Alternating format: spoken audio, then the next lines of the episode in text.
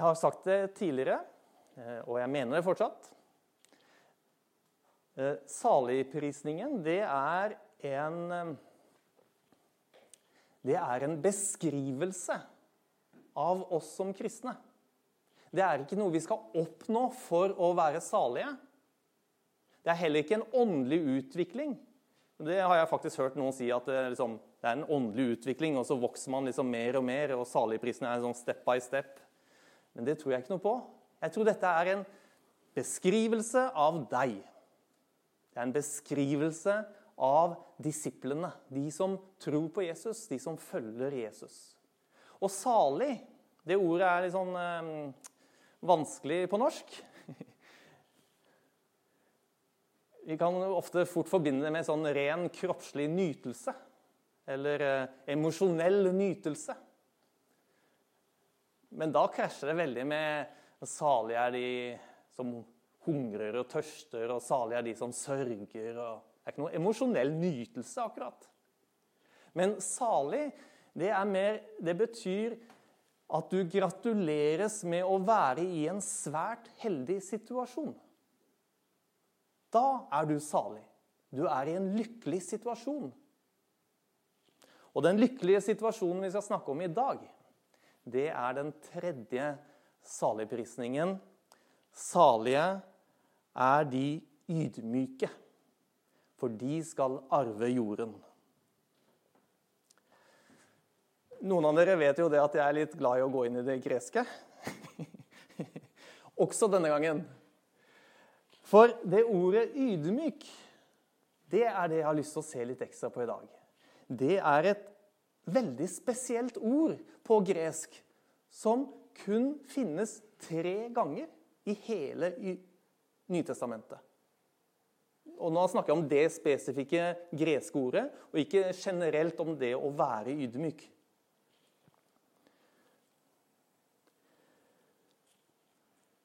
Det ordet er da praus.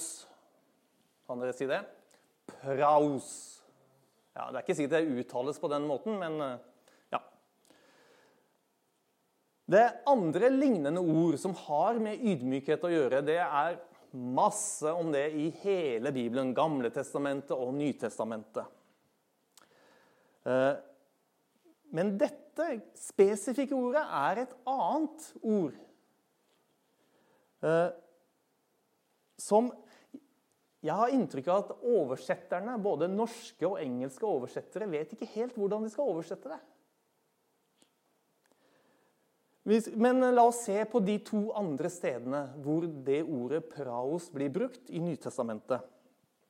Det første er i Matteusevangeliet, fortsatt, der vi er nå, hvor Jesus sier om seg selv Ta mitt åk på dere og lær av meg, for jeg er praos og ydmyk av hjerte. Og jeg, Nå husker ikke jeg helt hva den norske oversettelsen var der. Er det noen som husker? Er det saktmodig og ydmyk? Hvor det Ja. Så skal dere finne hvile for deres sjel, sier Jesus. Eh, så det er ett sted til i hele Nytestamentet, og det er da apostelen Peter som bruker det ordet. Og det er i 1. Peter 3, vers 3 og 4, hvor Peter sier La ikke ytre stas som frisyrer, gullkjeder og fine klær være det som pryder dere, men hjertet. Det skjulte mennesket med sin praus og rolige ånd, som er uforgjengelig og dyrebar for Gud. Så hva er dette praos? Og hvorfor i all verden henger en hest på veggen vår? Nå lurer nå. Nå kommer eh, svaret. Det ordet praos fra gresk ble brukt på den tiden, nå snakker vi om ca. 2000 år siden, ble brukt av grekerne om krigshester. Og se for dere villhester som løper over markene.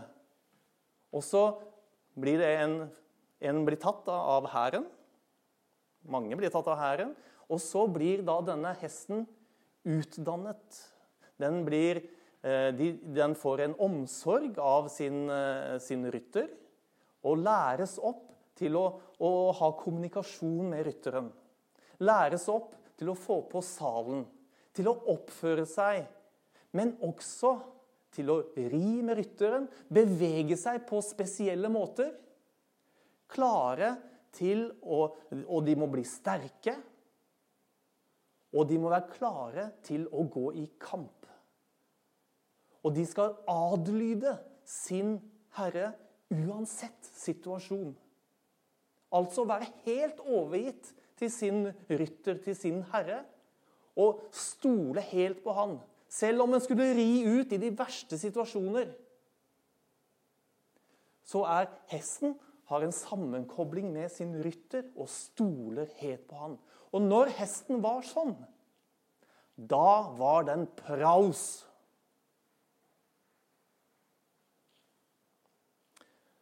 Og se for dere den type hester.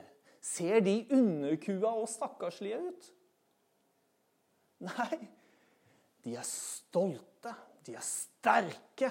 De har fått ut hele sitt potensial og strutter av energi og lydighet til sin mester.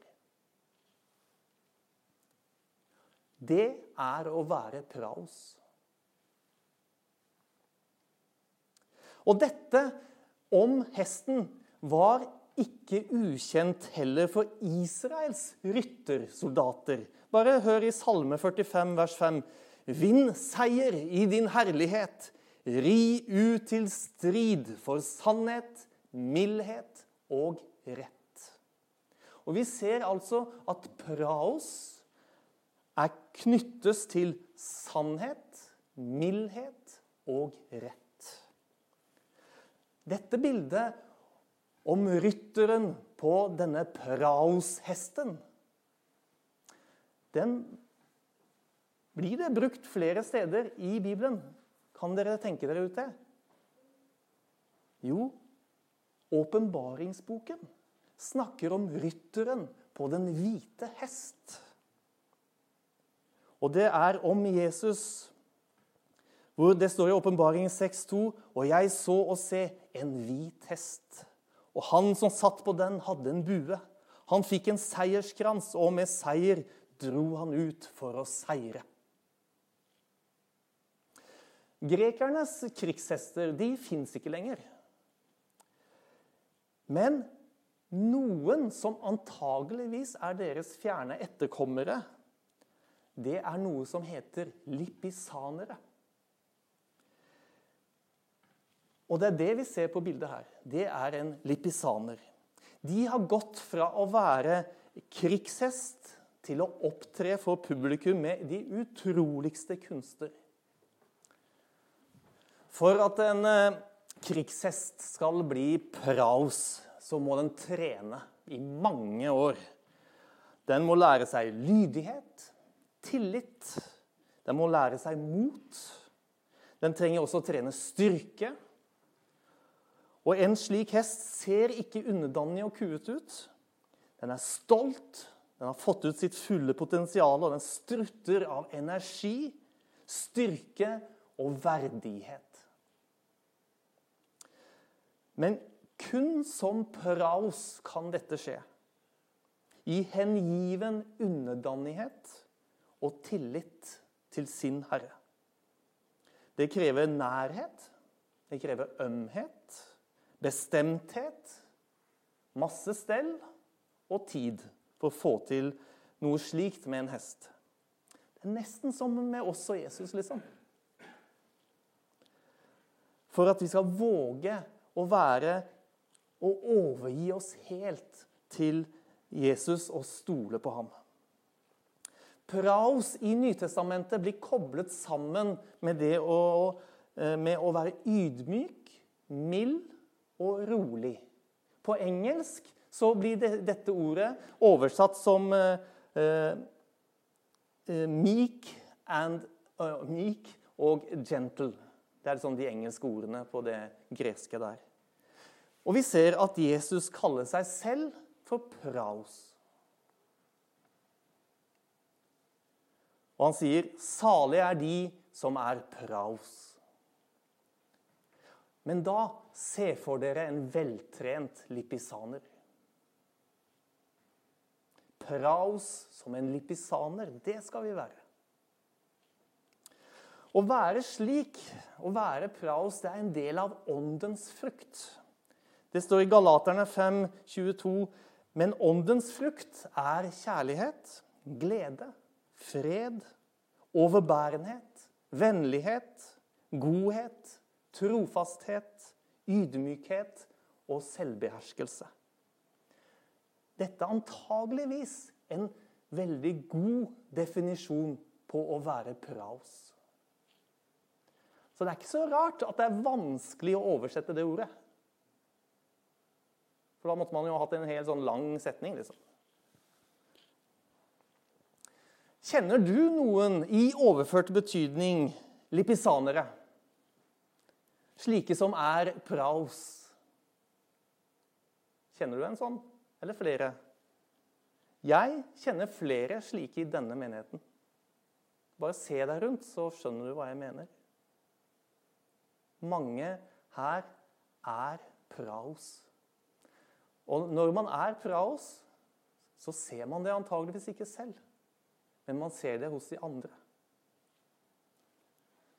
Det er ikke perfekte mennesker, men slike som er overgitt til Jesus, sin Herre, som stoler på ham, slik som lipisaneren stoler på sin Herre og adlyder han i ydmyk tålmodighet og tillit.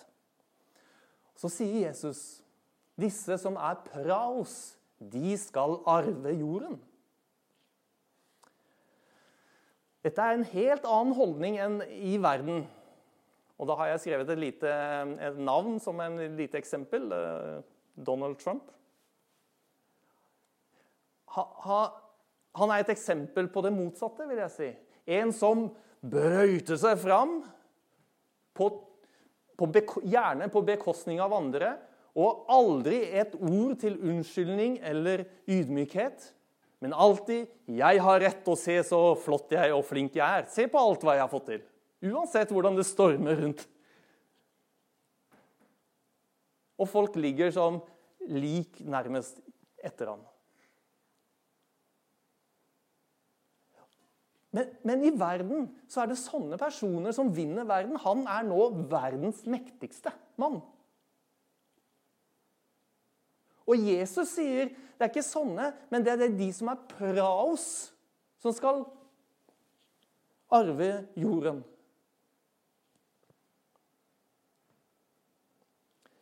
Så Guds rike og dets innbyggere er altså helt annerledes. Det er ikke som Farmen. Det er ikke som Paradise Hotel. Det er helt annerledes. Salige er de som er praos, for de skal arve jorden. Jesus sier i Matteus 16.: Om noen vil følge etter meg, må han fornekte seg selv og ta sitt kors opp og følge meg. For den som vil berge sitt liv, skal miste det.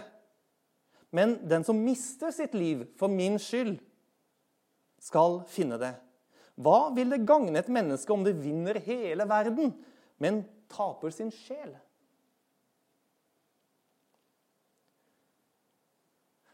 Er det en motsetning mellom det Jesus sier i Matteus 16, og det han sier i Matteus 5? Salig er de som er praos, for de skal arve jorden. Og Her sier han at hvis du vinner hele verden, så kan du risikere å tape din sjel. La oss se på Jesu tid. Hva folk eh, forventet til det å arve jorden. For Husk, dette ble sagt i Israel nesten 2000 år siden. Først, eh, Deres eh, bakgrunnsforståelse av det som Jesus forkynte, det var alltid hentet fra det som vi kaller Det gamle testamentet, fra Toraen. Og I Gamle testamentet så var de som ikke hadde eget jordområde, som ikke eide land, det var de som var de virkelig fattige. De var forsvarsløse, de hadde ingen rettigheter. De ble undertrykket, de ble utnyttet, de ble forbannet. Men så sier Gud gang på gang gjennom Gamle Testamentet at Gud er en gud for de hjelpeløse. De uten rettigheter. Salme 149 vers 4 så står det For Herren gleder seg over sitt folk. Han smykker de hjelpeløse med frelse. De fattige. De som ikke eier jord. De som ikke har noe. Dem smykker han med frelse. Og da Jesus holdt sin bergpreken, var Israel okkupert av Romerriket. Folket de ventet en frelser, en sånn som Moses. Ja, En sånn som Moses som kunne frigjøre dem fra Egypt. Men de, denne gangen en som kunne frigjøre dem fra Romerriket. En sånn Messias forventet de. Men så kommer Jesus. Ja, han sier de skal arve jorden, som noe de har store forventninger til. Men det er ikke ved krig. Det er ikke ved vold, men ved praos. Så ser vi gjennom evangeliet at folket trekkes til ham ved sin forkynnelse og sine mange fantastiske tegn og under. Men så forlater de ham, og de vil ha ham korsfestet i ytterste grad. Han spotter Gud, sier de. Han er en skuffelse, denne Jesus. Han er ikke den slags Messias de ønsker seg. En sterk politisk og militær frelser som løser dem fra romermakten og gir dem landet tilbake. Nei, han er ikke sånn. Men likevel så står han der på berget og sier at de som er praos, altså lik kri grekernes krigshester, de skal arve landet. Det er fordi Jesus han kaller oss til en annen slags krig. Zakaria 4, 6. Ikke ved makt og ikke ved kraft, men ved min ånd, sier Herren over hærskarene. Så det er altså en hærskare.